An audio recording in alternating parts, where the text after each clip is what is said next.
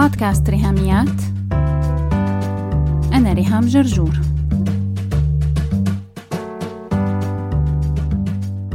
مرحبا. بحلقة اليوم عم نكمل الجزء الثاني من كتاب Thrive للكاتبة أريانا هافينغتون. هالكتاب بيحكي لنا عن المقياس الثالث للنجاح غير السلطة والمال في معيار ثالث للنجاح وهو الازدهار. حكينا بالحلقة الماضية عن أول محور في الازدهار وهو well being الخير والسعادة. واليوم رح نكمل ورح نحكي عن المحور الثاني من الأربع محاور لحياة الازدهار وهو الحكمة.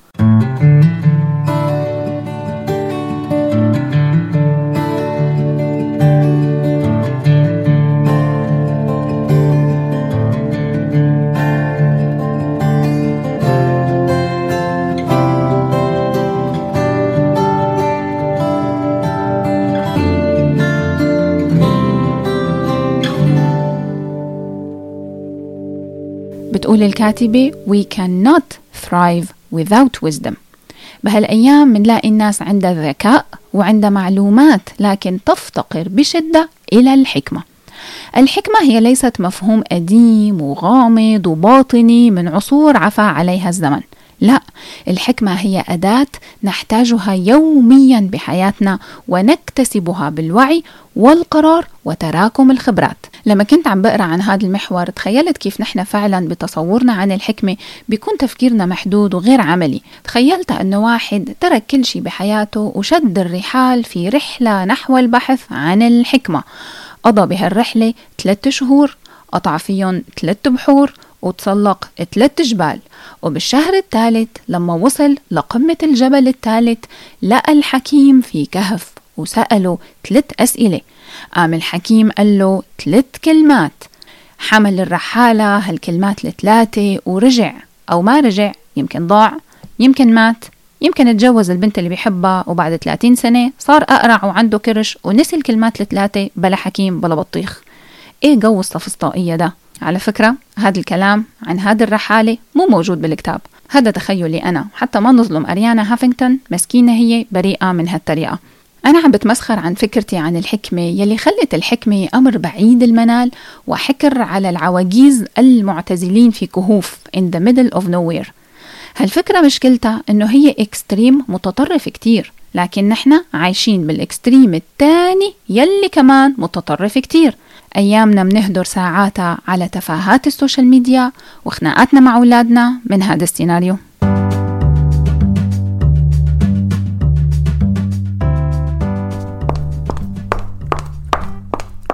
شيل الزفت من إيدك بقى. رح أقوم كسر التابلت فوق رأسك.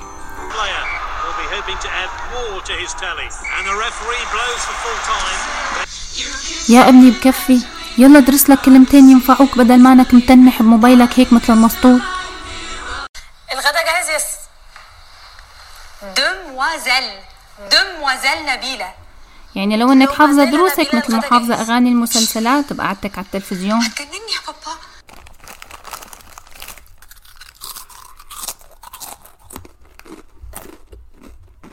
طبعا بده يطلع لك كرش تمك ما وقف أكل وجرش طول ما أنت قاعد عم تلعب على الكمبيوتر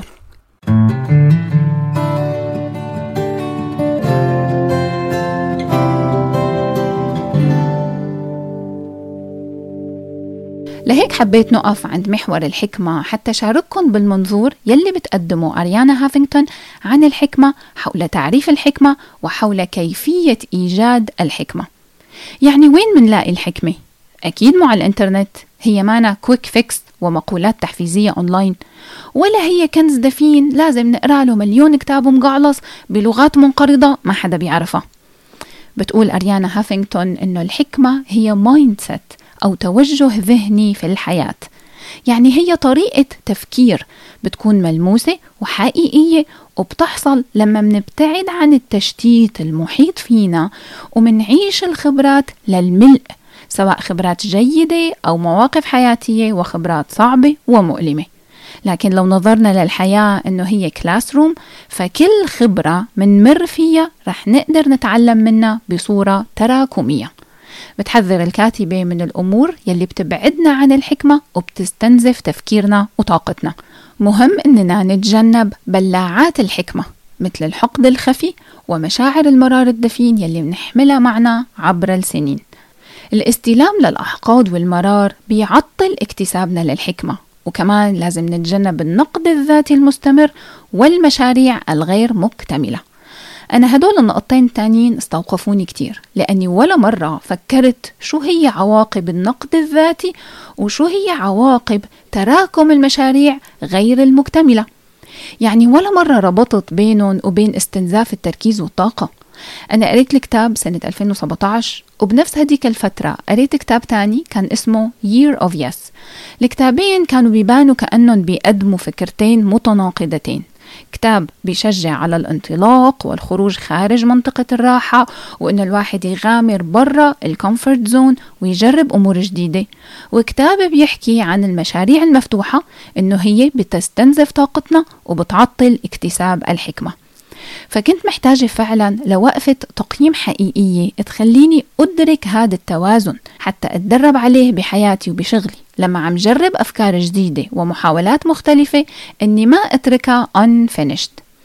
أنا كنت ولا زلت ما عندي مشكلة مع الشجاعة. بعتبر حالي مغامرة وباخد ريسكس ومخاطر وبتقبل الفشل. لكن لاحظت أنه أنا عندي كمية مشروعات وأفكار بدأت فعليا وأخذت فيها خطوات لكن تركتها معلقة غير مكتملة. قاعدة عم تعمل طنين بالخلفية تبع أيامي وتشفط مني طاقتي وتركيزي. كتير استفدت من هالفكرة لما كتاب ثرايف قدمها للفكرة بوضوح وحسم. لازم يا أقفل المشاريع المعلقة يا كملها.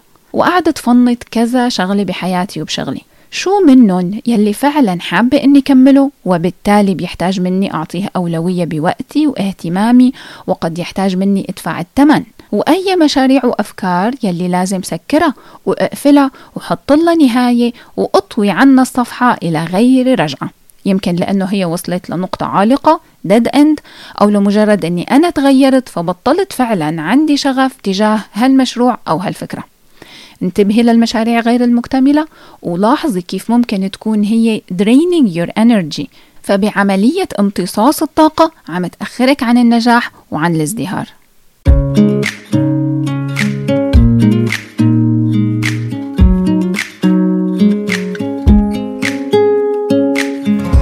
نايا والصبايا الكتاب الأول من نوعه بالعالم العربي. دليل المراهقات لفهم سن البلوغ والدورة الشهرية. هالموسوعة هي كتاب مصور 52 صفحة ملونة بالكامل مع هدية 64 sticker لتتبع الدورة الشهرية. في planner 2022 أو أي notebook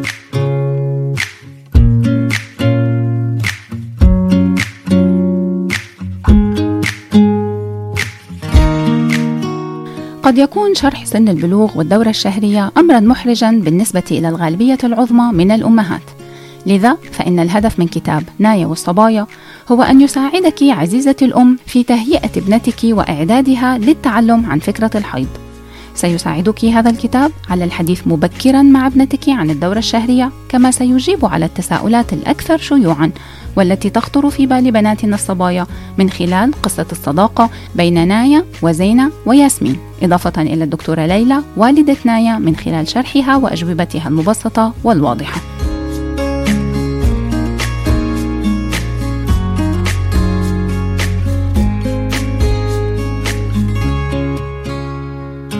بيتناول كتاب نايا والصبايا ثلاث موضوعات أساسية.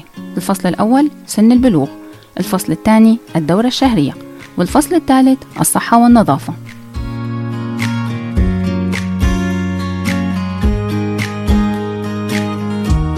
الكتاب متاح حاليا في مصر للشراء أونلاين من الرابط الموجود مع notes هالحلقة.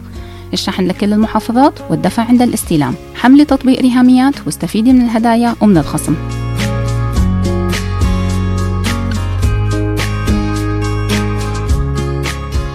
لمعلومات أكثر فيك تتابعي هاشتاج نايا والصبايا هاشتاج موسوعة الصبايا وتأكدي إنك تعملي follow لحساب ريهاميات على إنستغرام وكمان حساب نايا بوك 21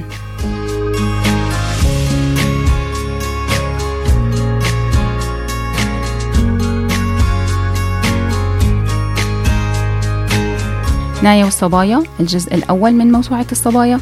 لا تنسي تتفرجي على الفيديو المتاح على قناة ريهام جرجور على يوتيوب. بس هيك.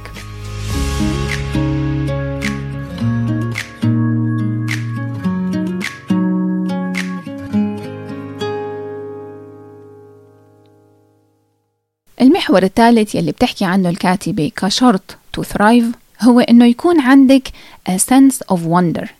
شو هو الوندر؟ كلمة wonder بتعني الدهشة والتعجب. الكاتبة بتشبهها بنظرة الأطفال للحياة. بتقول إنه كلياتنا لما كنا أطفال كنا عايشين مع حس الدهشة والعجب بكل يوم بحياتنا. لحد ما كبرنا وبدأت الحياة تفقد سحرها وبريقها بعيوننا ككبار. هون قدامنا دعوة متجددة إننا نتبنى نظرة الأطفال لأنهم بيعيشوا اللحظة بيعيشوا بالحاضر. يعني ما منلاقيهم لا عايلين هم المستقبل ولا عايشين في قفص الماضي. هالتوجه هاد بيعمل فرق غير عادي بحياتنا وبيقربنا أكثر من النجاح والازدهار. جربي هالتدريب كل ما لقيتي حالك غرقانة بأمور بالماضي سواء اجترار أحزان أو عم تلعقي جراحك أو غامرك شعور بالذنب من غلط عملتيه أو عم ينخر فيكي مرار من غلط اتعمل بحقك حاولي تسحبي تركيزك إلى الآن وهنا. فكري وركزي على الآن وهنا المكان يلي انت فيه بهاللحظة يلي انت فيها. من أكثر الأمور يلي بتساعدك تسحبي تركيزك للحاضر هو التنفس. اعملي تمارين تنفس مثل يلي حكينا عنهم بمحاضرة رقم 11 بالكورس المجاني تاء مبسوطة سالمة.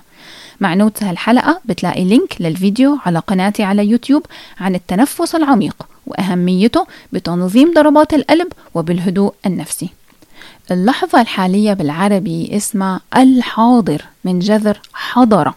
تدربي على الحضور. أحضري نفسك من الماضي إلى اللحظة الحالية. أحضري نفسك من المستقبل إلى اللحظة الحالية. ولو أنت من أعضاء نادي الوقا هانم وعندك مهارات القلق حول المستقبل فهذا كمان بيعطل النظرة الحياتية بدهشة وعجب. Anxiety kills your sense of wonder. وبنصحك تشوفي فيديو القلق على قناتي على يوتيوب رح أحط لك كمان ال link مع notes هالحلقة.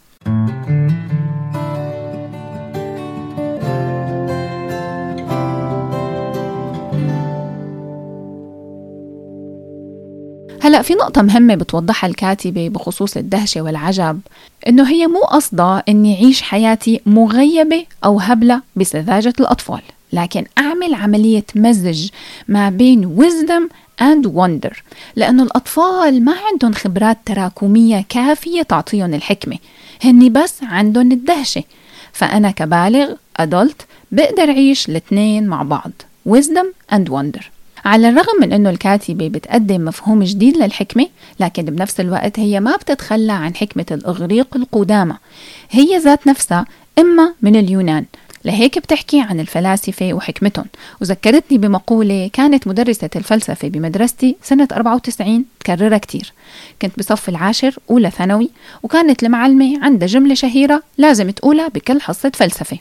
كل إنسان فان سقراط إنسان سقراط فان. كلمة فان لا بتعني مروحة ولا بتعني معجب لكن بتعني فاني. كلمة فان يعني فان أو زائل. يعني بالبلدي كلنا هنموت. طيب يا ريهام شو جاب سيرة الموت هلأ؟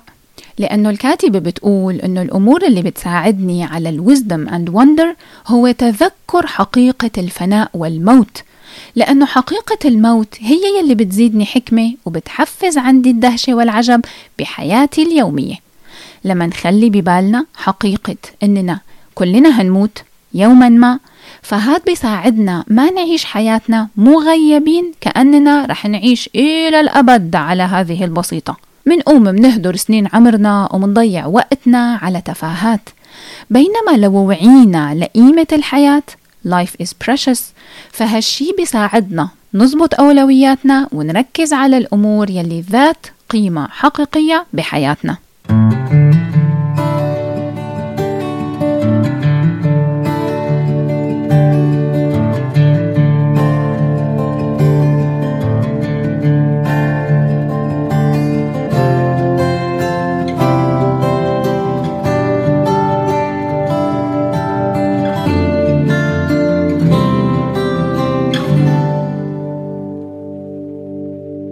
البعد الرابع يلي الكتاب بيحكي عنه إنه بيساعدنا على الوصول إلى الازدهار هو العطاء. العطاء بيولد عنا شعور داخلي بالرضا والدفء. الكتاب بيأكد على فكرة أنه العطاء والمشاركة أمر مفيد إلي مثل ما هو مفيد للآخرين.